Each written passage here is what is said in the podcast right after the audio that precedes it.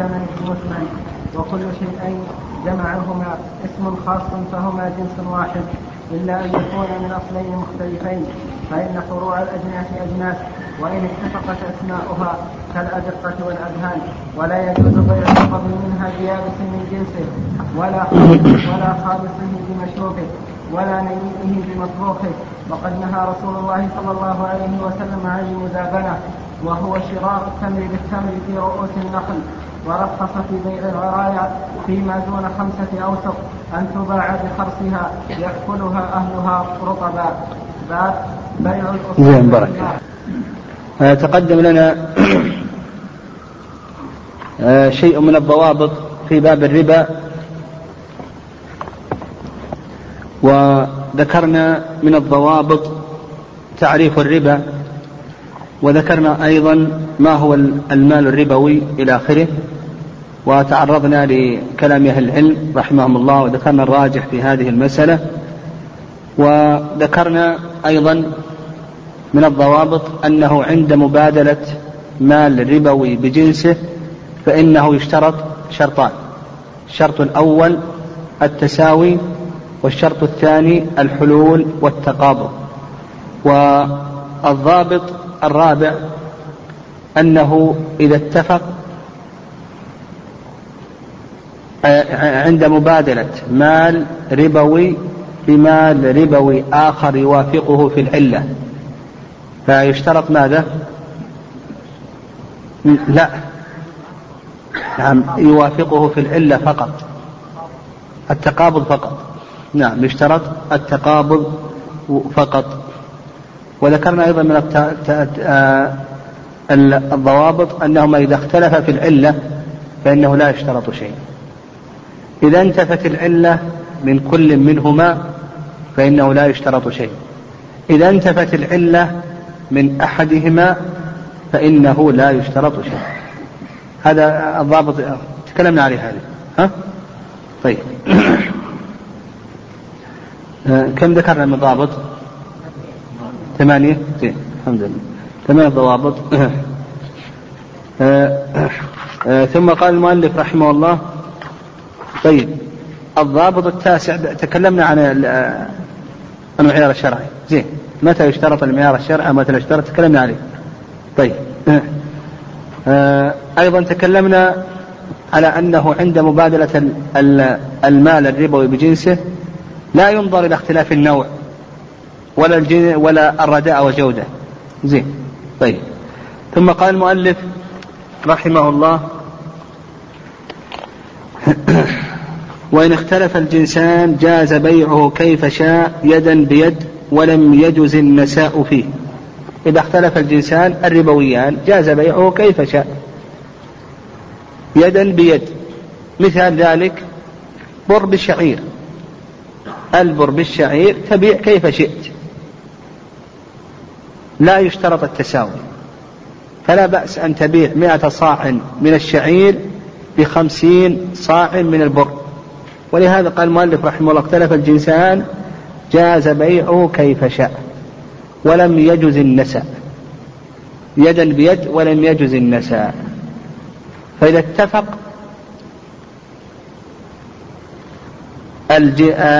المالان الربويان في العلة فإنه يجب أن يكون يدا بيد. إذا اتفق المالان الربويان في العلة واختلفا في الجنس فإنه يجب أن يكون يدا بيد.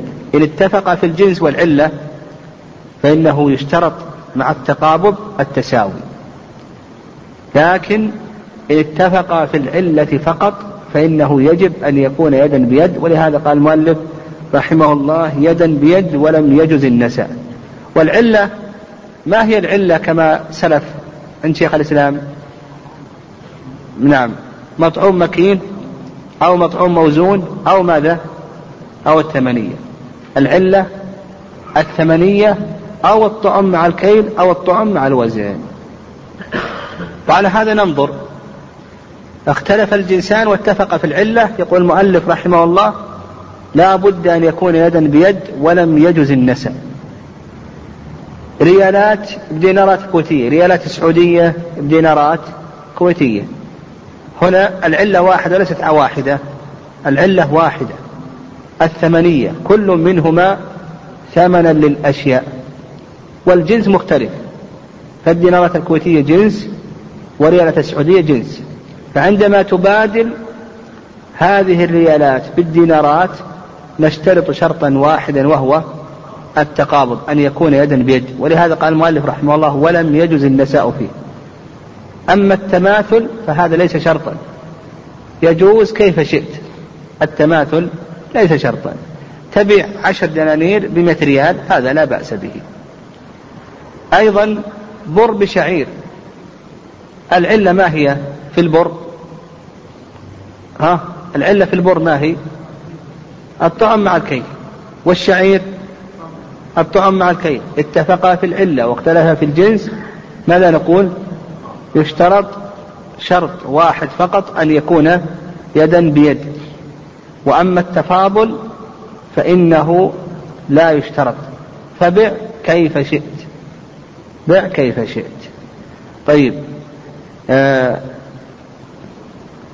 لبن أو حليب بقر بحليب إبل.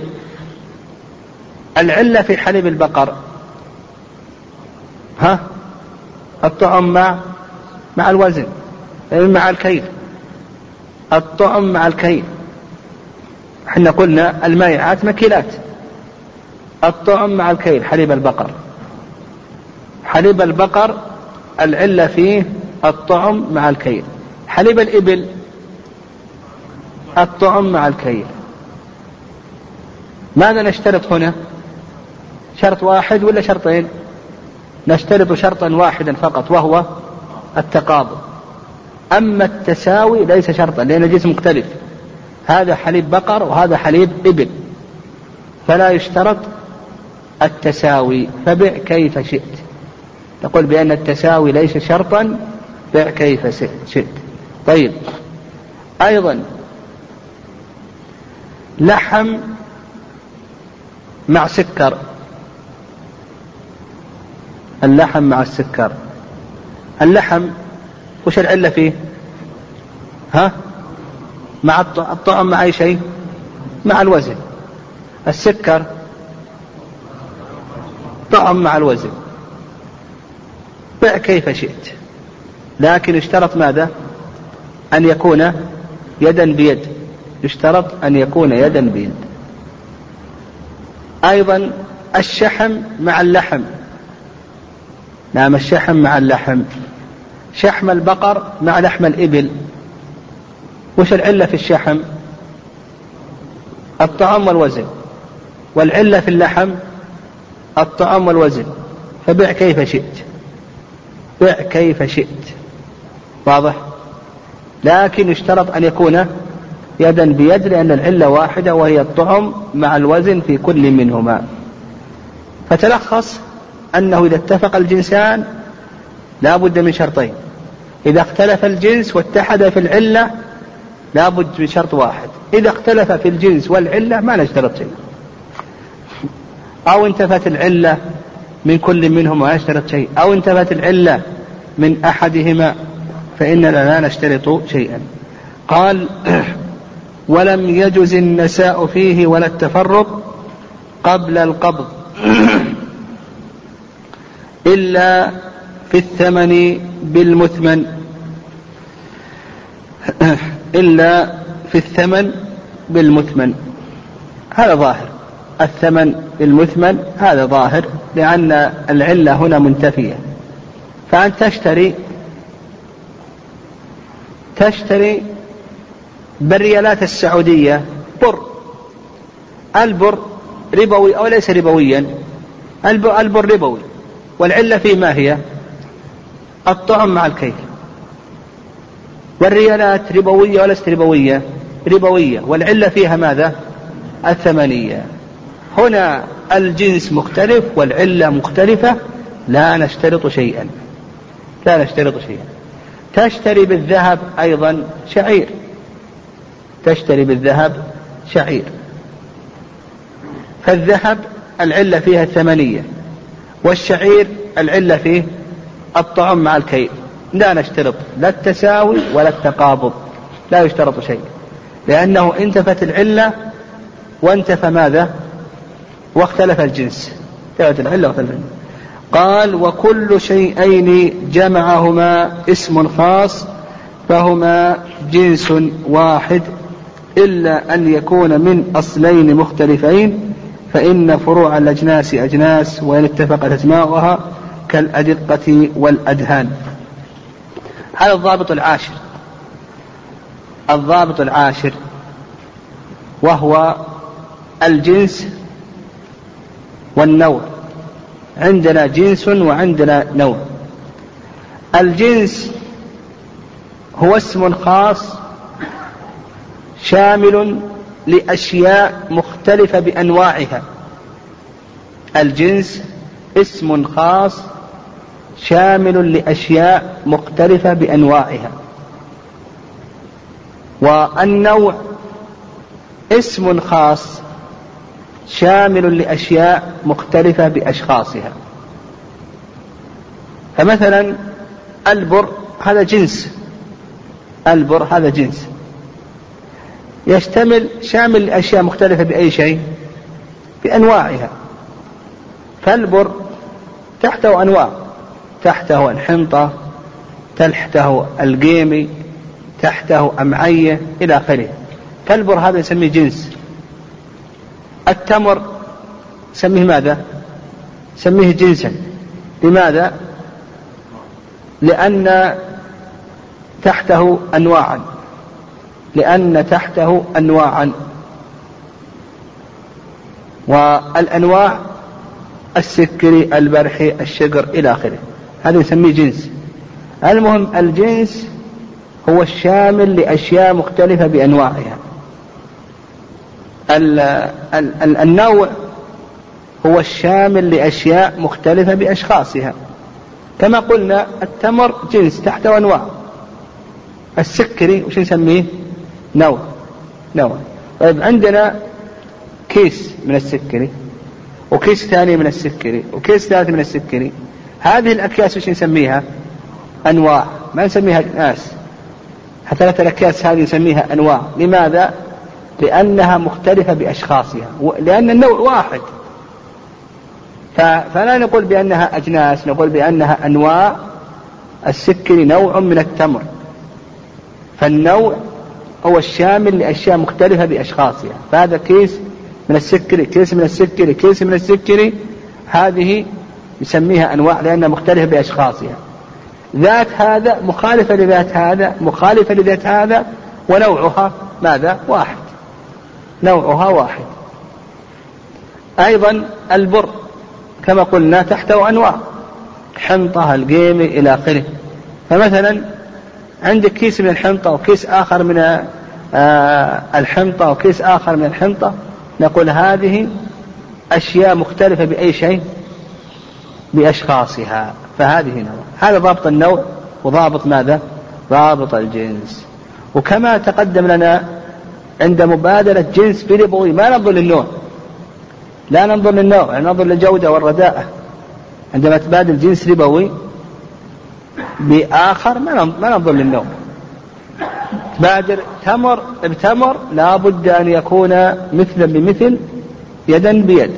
سكري برحي مثلا بمثل يدا بيد. ما ننظر لاختلاف النوع قال لك المؤلف وكل شيئين جمعهما اسم خاص فهما جنس. مثل كما قلنا السكري والبرح والبرحي جمعهما اسم خاص وهو التمر. نعم. وهو التمر. فهما جنس واحد. إلا أن يكون من أصلين مختلفين فإن فروع الأجناس أجناس. يقول المؤلف رحمه الله فروع الأجناس أجناس وإن اتفقت أس أسماؤها كالأدقة والأدهان. فروع الأجناس أجناس. البر كما تقدم لنا جنس أو ليس جنسا. جنسا. طحين البر جنس. طحين البر جنس. البر جنس. طحين البر جنس. الشعير جنس. طحين الشعير جنس. وعلى هذا إذا بادلت طحين بر. بطحين شعير. وش اشترط؟ اشترط لا تقابض فقط. طحين بر وطحين شعير. اختلف في الجنس. كل منهما جنس. وقال لك فروع الأجناس أجناس. البر جنس. طحناه هذا البر. أصبح دقيقا الآن. هذا الدقيق وش يسمى؟ جنس. الشعير جنس. طحناه. أصبح الآن جنسا. دقيقه أصبح جنسا. فعندما تبادل طحين شعير بطحين بر وش نشترط؟ التقابض فقط. أما التساوي فبع كيف شئت؟ طيب عندما نبادل طحين بر بطحين بر؟ التقابض والتساوي. طحين شعير بطحين شعير التقابض والتساوي. قال والأدهان أيضا. قال كالأدقة والأدهان. دهن الإبل جنس ودهن البقر جنس. دهن الإبل جنس ودهن البقر جنس. فعندما تبادل دهن بقر بدهن آه، إبل إيش نشترط؟ التقابض. وأما التساوي فليس شرطا لأن الجنس هنا مختلف. كل منهما جنس مستقل قال قال المؤلف رحمه الله ولا يجوز بيع رطب منها بيابس من جنسه ولا خالصه بمشوبه ولا نيئه بمطبوخه آه عند مبادلة الجنس الربوي بمثله يشترط ماذا؟ ها؟ التقابض والتساوي التساوي كما ذكرنا لا بد أن يكون بالمعيار الشرعي ولا بد أن أن يحصل التساوي بالرطوبة واليبوسة. يعني لا بد أن يكون التساوي بالرطوبة واليبوسة. ما يصح أنك تبادل صاع من التمر رطب بصاع من التمر يابس. تبادل صاع من التمر رطب بصاع من التمر يابس. هذا نقول ما يصح. لماذا؟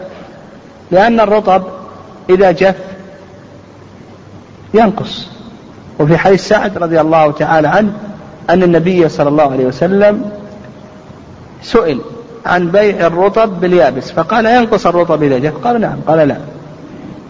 لأنك عندما تبادل ربويا بجنسه هذا يشترط كما قلنا الشارع شدد فيه.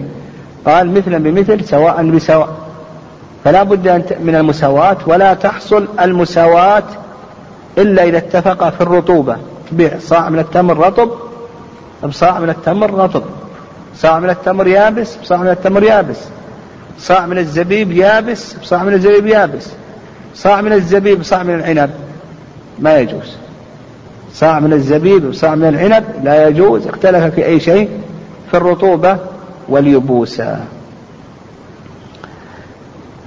ولا خالصه بمشوبه خالصه يعني عندنا بر مخلوط بشعير. وعندنا بر خالص. هل يجوز أن تبيع صاع من هذا وصاع من هذا؟ نقول هذا لا يجوز لأنه ما يتحقق التساوي. التساوي هنا ما يتحقق؟ لأنك لو أبعدت الشعير عنه نقص. كما لو بعت رطبا بأي شيء بيابس. كما لو بعت رطبا بيابس. فنقول لا يجوز. قال ولا نيئه بمطبوخه ولا نيئه بمطبوخه. لأن النار تذهب برطوبته وتعقد أجزاءه فيمتنع التساوي. النيء بالمطبوخ هذا ما يصح. مثلا عندك عنب طبخ عنب طبخ. مع عنب لم يطبخ.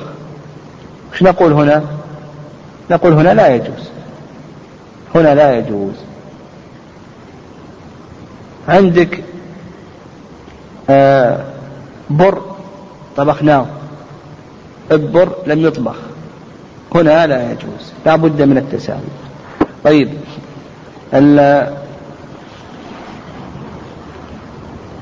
بقينا في مسألة وهي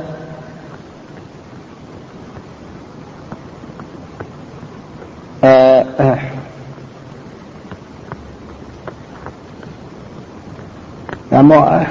يعني هذه لعل تأتي إن شاء الله. مسألة مدعجة ودرهم لعله يشير إليها المؤلف رحمه الله. قال المؤلف رحمه الله ونهى النبي صلى الله عليه وسلم عن بيع المزابنة وهو اشتراء التمر بالتمر في رؤوس النخل النبي عليه الصلاة والسلام كان حديث ابن عمر في الصحيحين نهى عن المزابنة. والمزابنة مأخوذة من الزبن وهو الدفع. وسمي بذلك لأن هذه المعاملة يحصل فيها شيء من الغرر فيحصل التدافع بين البائع والمشتري. يحصل التدافع بين البائع والمشتري. وأما في الاصطلاح فهي بيع التمر اليابس بالرطب على رؤوس النخل. فهذه المزابنة محرمة لأن النبي صلى الله عليه وسلم نهى عنها وأيضا كما تقدم لنا عندما تبادر ربويا بجنسه وش اشترط؟ اشترط التساوي والتقابض التساوي هنا غير متحقق لأن الرطب يجف فالآن أنت تبيع ماذا؟ تبيع رطب اليابس هذا لا يجوز. فالمزابنة هذه صورتها. طيب.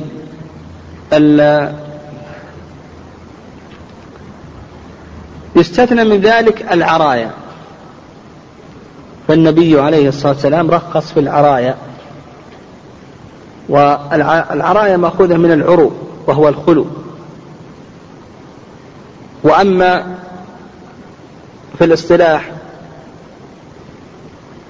فهي بيع التمر اليابس بالتمر الرطب على رؤوس النخل لكن بشروط خاصة. فالعرايا صورة من المزابنة إلا أن العرايا إلا أن العرايا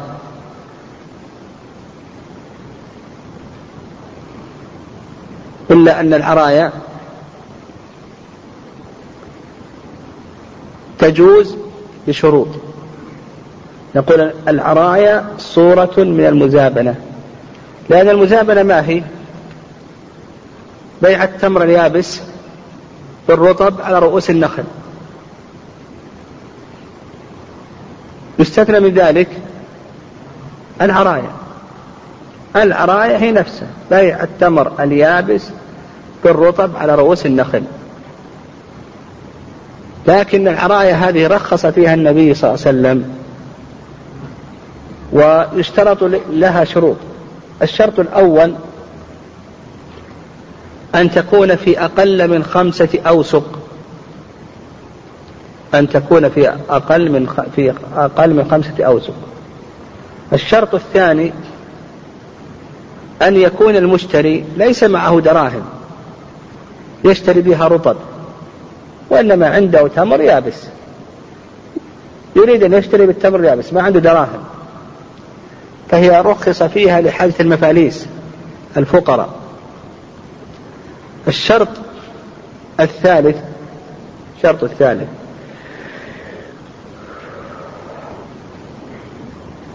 لما الشرط الثالث أن يكون بحاجة إلى أكلها رطبا. يعني بحاجة إلى أن يتفكه مع الناس وأن يأكل رطبا.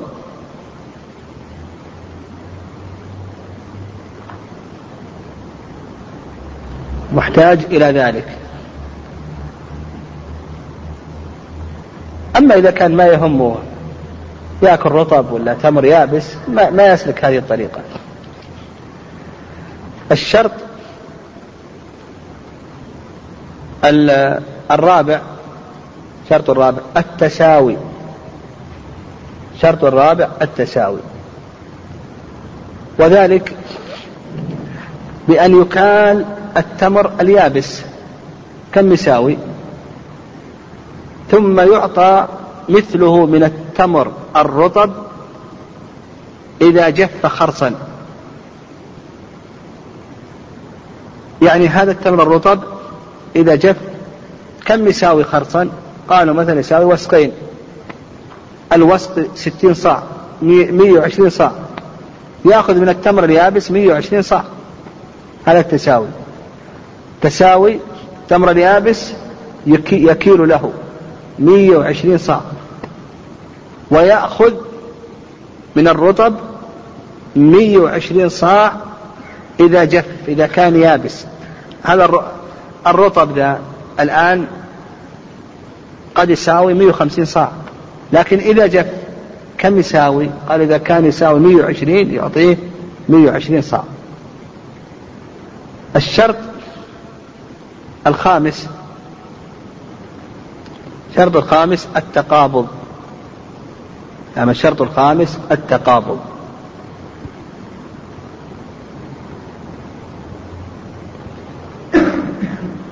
فقبض التمر اليابس بكيله.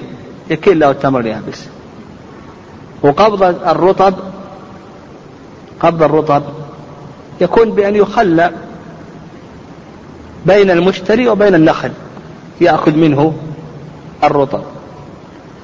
الشرط السادس أن يكون الرطب على رؤوس النخل.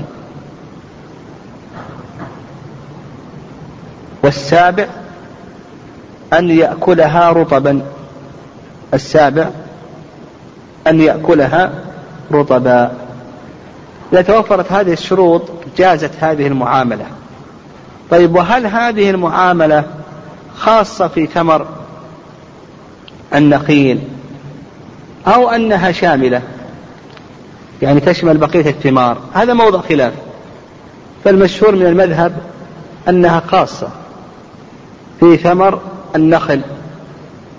والرأي الثاني اختيار شيخ الإسلام تيمية رحمه الله أنها شام أنها تشمل بقية الثمار. فمثلا العنب مع الزبيب. إنسان عنده زبيب ما عنده دراهم يشتري عنب. لا بأس أنه يشتري بالتمر بالزبيب اليابس عنبا. وهكذا بقية الثمار.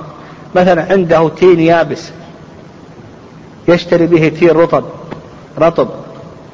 يعني هذا جائز بالشروط. هذا اختيار شيخ الإسلام ابن تيمية رحمه الله. نعم. قال المؤلف رحمه الله وأرخص في بيع العرايا فيما دون خمسة أوسق بحيث أبي هريرة أن النبي صلى الله عليه وسلم رخص في العرايا في خمسة أوسق أو دون خمسة أوسق. أن تباع بخرصها يأكلها أهلها رطبا. نعم يأكلها أهلها رطبا. قبل أن ننتقل عن باب الربا نعم هناك بعض المسائل آه، متعلقة في الربا. من هذه المسائل مسألة مد عجوة ودرهم.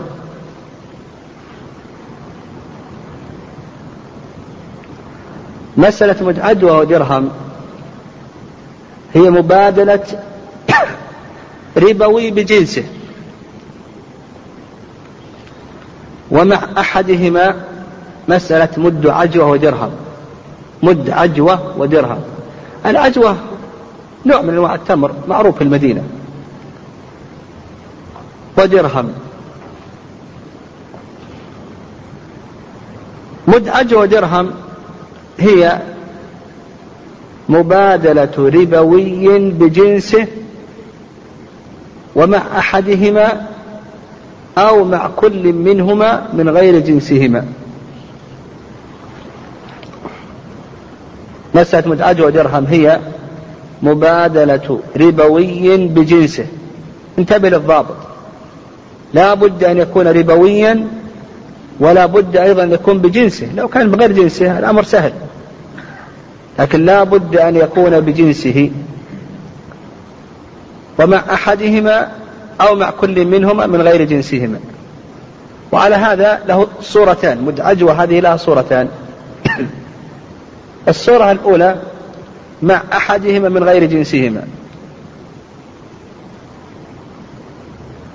مثالها مد عجوة ودرهم مقابل مدين من العجوة. مد عجوة ودرهم مقابل مدين من العجوة. فالآن أنت تبادل ماذا؟ تمر بتمر مع أحدهما من غير جنسهما. هذه موضع خلاف. هل هي جائزة أو ليست جائزة؟ فأكثر أهل العلم أنها غير جائزة.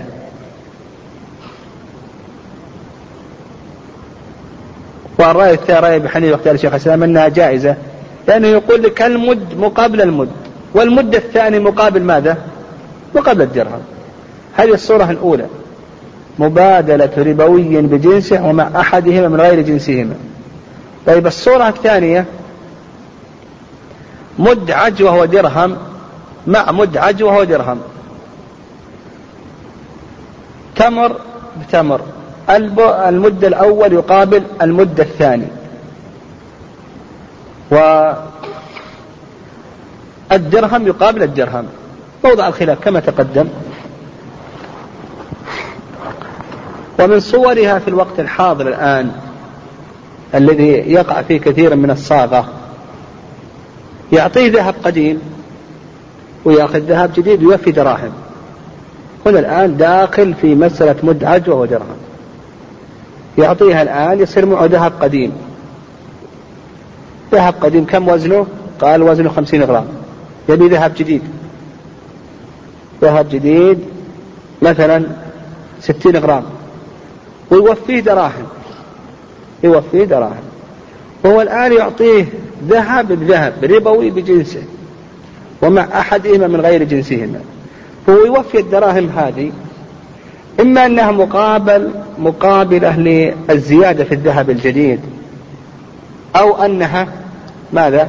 إما أنها مقابلة للذهب الزيادة في الذهب الجديد أو مقابل الصنعة. نعم أو مقابل الصنعة. الجمهور أن هذا محرم ولا يجوز. شيخ الإسلام يرى الجواز إذا كان مقابل الصنعة. يعني إذا كان مقابل الصنعة يرى أن هذا جائز. أو مثلا الدراهم اللي زودتها هذه نقول خمسين مقابل خمسين يبقى عشر غرامات يقابله مثلا ثلاثمائة ريال.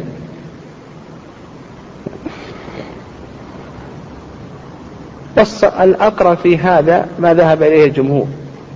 وأن الإنسان إذا باد الربوي بجنسه أنه لا يجوز أن يزيد. والنبي عليه الصلاة والسلام إذا كان يقول الذهب بالذهب مثلا بمثل سواء بسواء. مثلا بمثل سواء بسواء.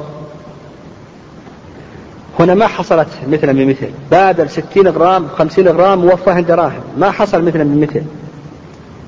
أيضا مقابل الصنعة هذا فيه نظر. ما حصل.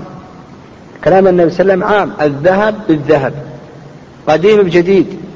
لابد خمسين بخمسين. ما ينظر كما قلنا ما ينظر لاختلاف النوع ما ينظر للجودة والرداءة لا ينظر للقدم والحداثة إلى آخره. فلا بد أن يكون مثلا بمثله. وعلى هذا نقول بأن هذه الطريقة محرمة ولا تجوز وهذا هو الأقرب الأقرب أن هذا محرم ولا يجوز. ويدل لهذا أيضا حديث فضالة بن عبيد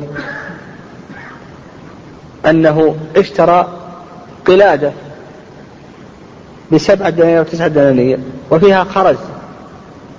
قلادة من ذهب بدنانير الدنانير ذهب وفيها خرز. ومع ذلك قال النبي صلى الله عليه وسلم لا حتى تفصل بينهما.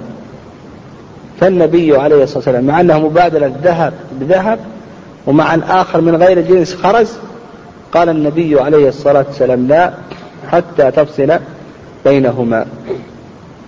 فنقول بأن هذا غير جائز. لا بد أن يكون ماذا؟ أن يكون مثلا بمثل.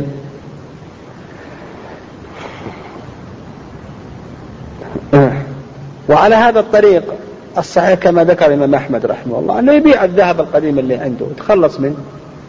ثم يبحث أيضا الإمام أحمد رحمه الله يقول الأولى أنه ما يشتري من الشخص الذي باع عليه بعدا عن شبهة الربا.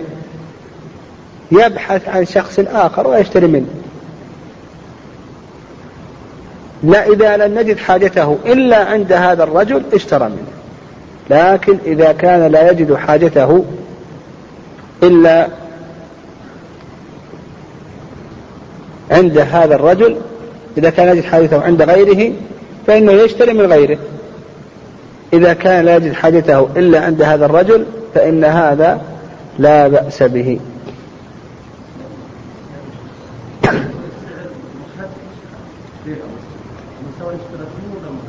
أي نعم. أي نعم. زين وهذا أيضا يعني فرج. طيب. أيضا من المسائل من المسائل المتعلقة بالربا قبل أن ننتقل. آه، كما قلنا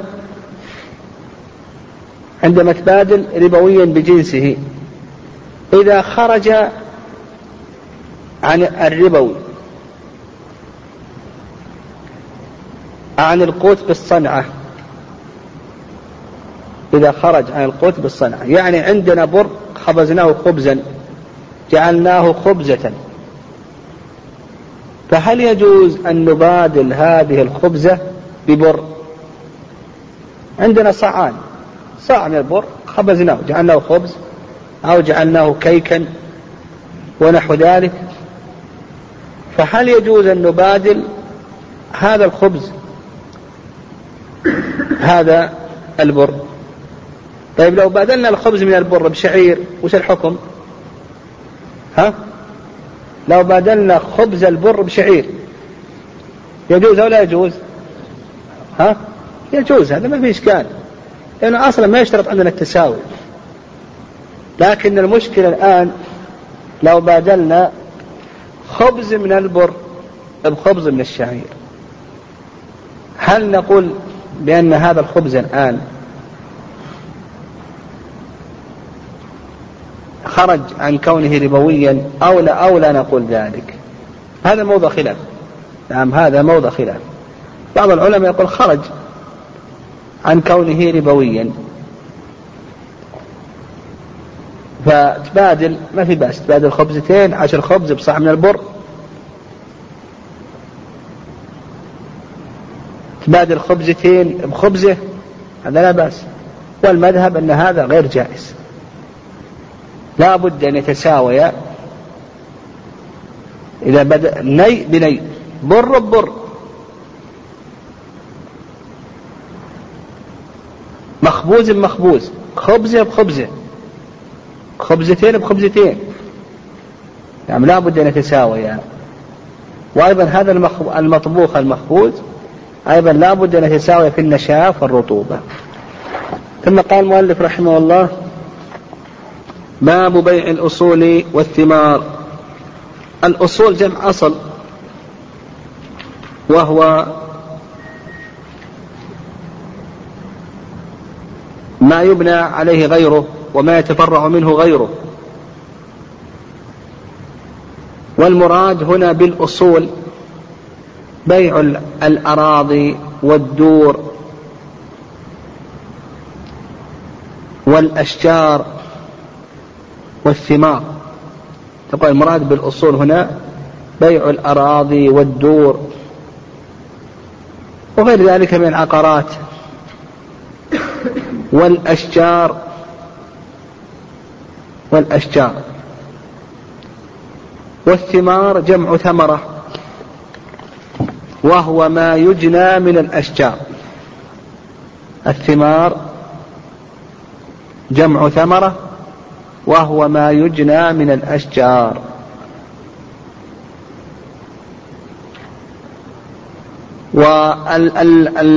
والفقهاء رحمهم الله يفردون هذه الأحكام بباب مستقل لأنها تنفرد ببعض الأحكام فيفردونها بباب مستقل. وإلا فإن بيع الأصول والثمار نوع من أنواع البيع لكنهم يفردونها ببعض يفردونها بباب مستقل لأنها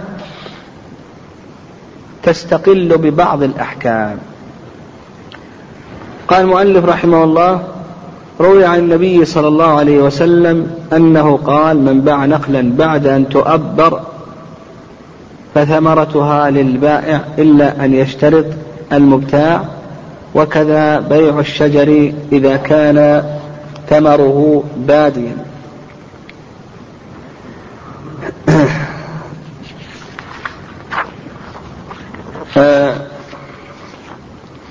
بيع الأصول ينقسم إلى أقسام.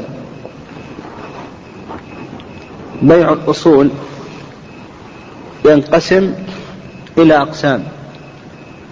القسم الأول القسم الأول بيع الأشجار. يعني باع النخيل مثلا أو باع أشجار التفاح أو أشجار البرتقال أو الزيتون أو غير ذلك من الأشجار. ما الذي يشمله البيع؟ وما الذي لا يشمله البيع. نقول أولا إذا باع هذه الشجرة أو هذه الأشجار يشمل ذات الشجرة. يشمل ذات الشجرة وما يتفرع عنها من أغصان وجريد ونحو ذلك. فنقول يشمل أولا ذات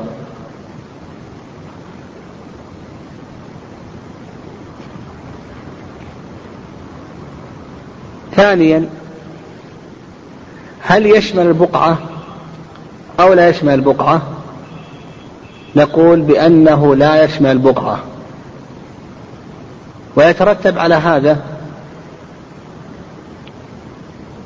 لو أن الشجرة تلفت.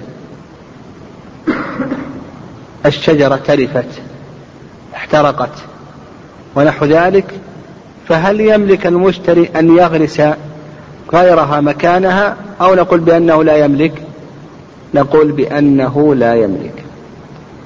ثالثا الثمرة الموجودة في الشجرة. الثمرة الموجودة في الشجرة.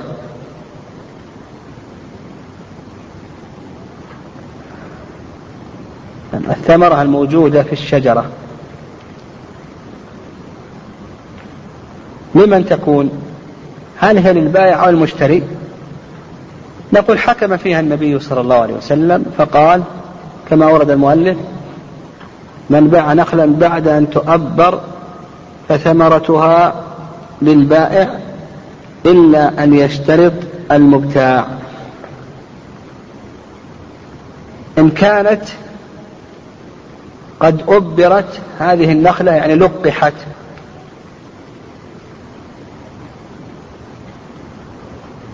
فالثمرة لمن؟ للبائع.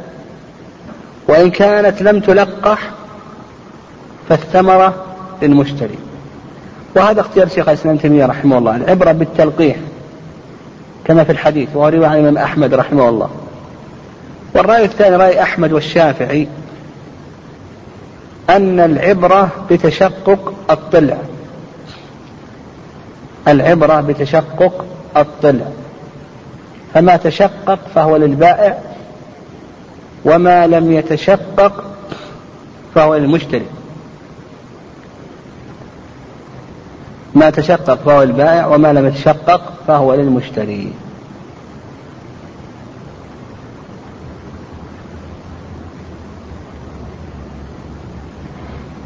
والصواب ما ذهب إليه شيخ الإسلام تيمية رحمه الله فإن التأبير هو التلقيح. وعلى هذا نقول بأن الأشجار تنقسم إلى قسمين. نقول بأن الأشجار تنقسم إلى قسمين. القسم الأول الأشجار نقول بأنها تنقسم إلى قسمين. القسم الأول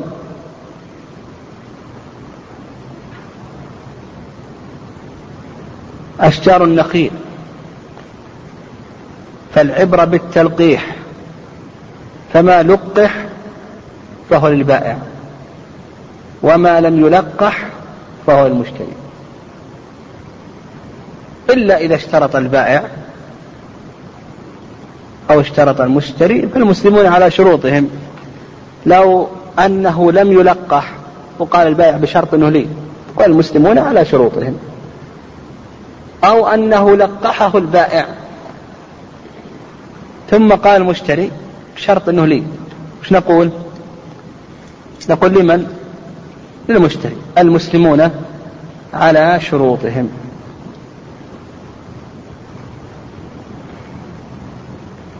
نقول المسلمون على شروطهم.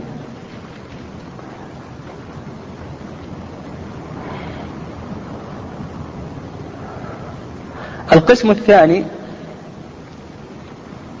ما عدا النخيل فالعبرة بظهور الثمرة. إذا ظهرت الثمرة فما ظهر فللبائع مثل برتقال ما ظهر من الثمار فهو البائع. وما لم يظهر فهو للمشتري. برتقال التفاح الموز نحو ذلك. نقول ما ظهر فهو للبائع وما لم يظهر فهو للمشتري. هذا القسم الأول وهو بيع ماذا؟ بيع الأشجار. طيب القسم الثاني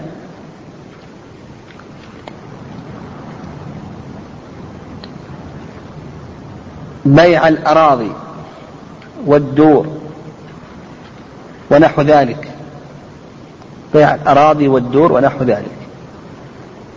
يعني إذا باعها أو وهبها أو وقفها أو أوصى بها ونحو ذلك فما الذي يشمل هذا البيع أو هذا الوقف؟ نقول يشمل أمورا.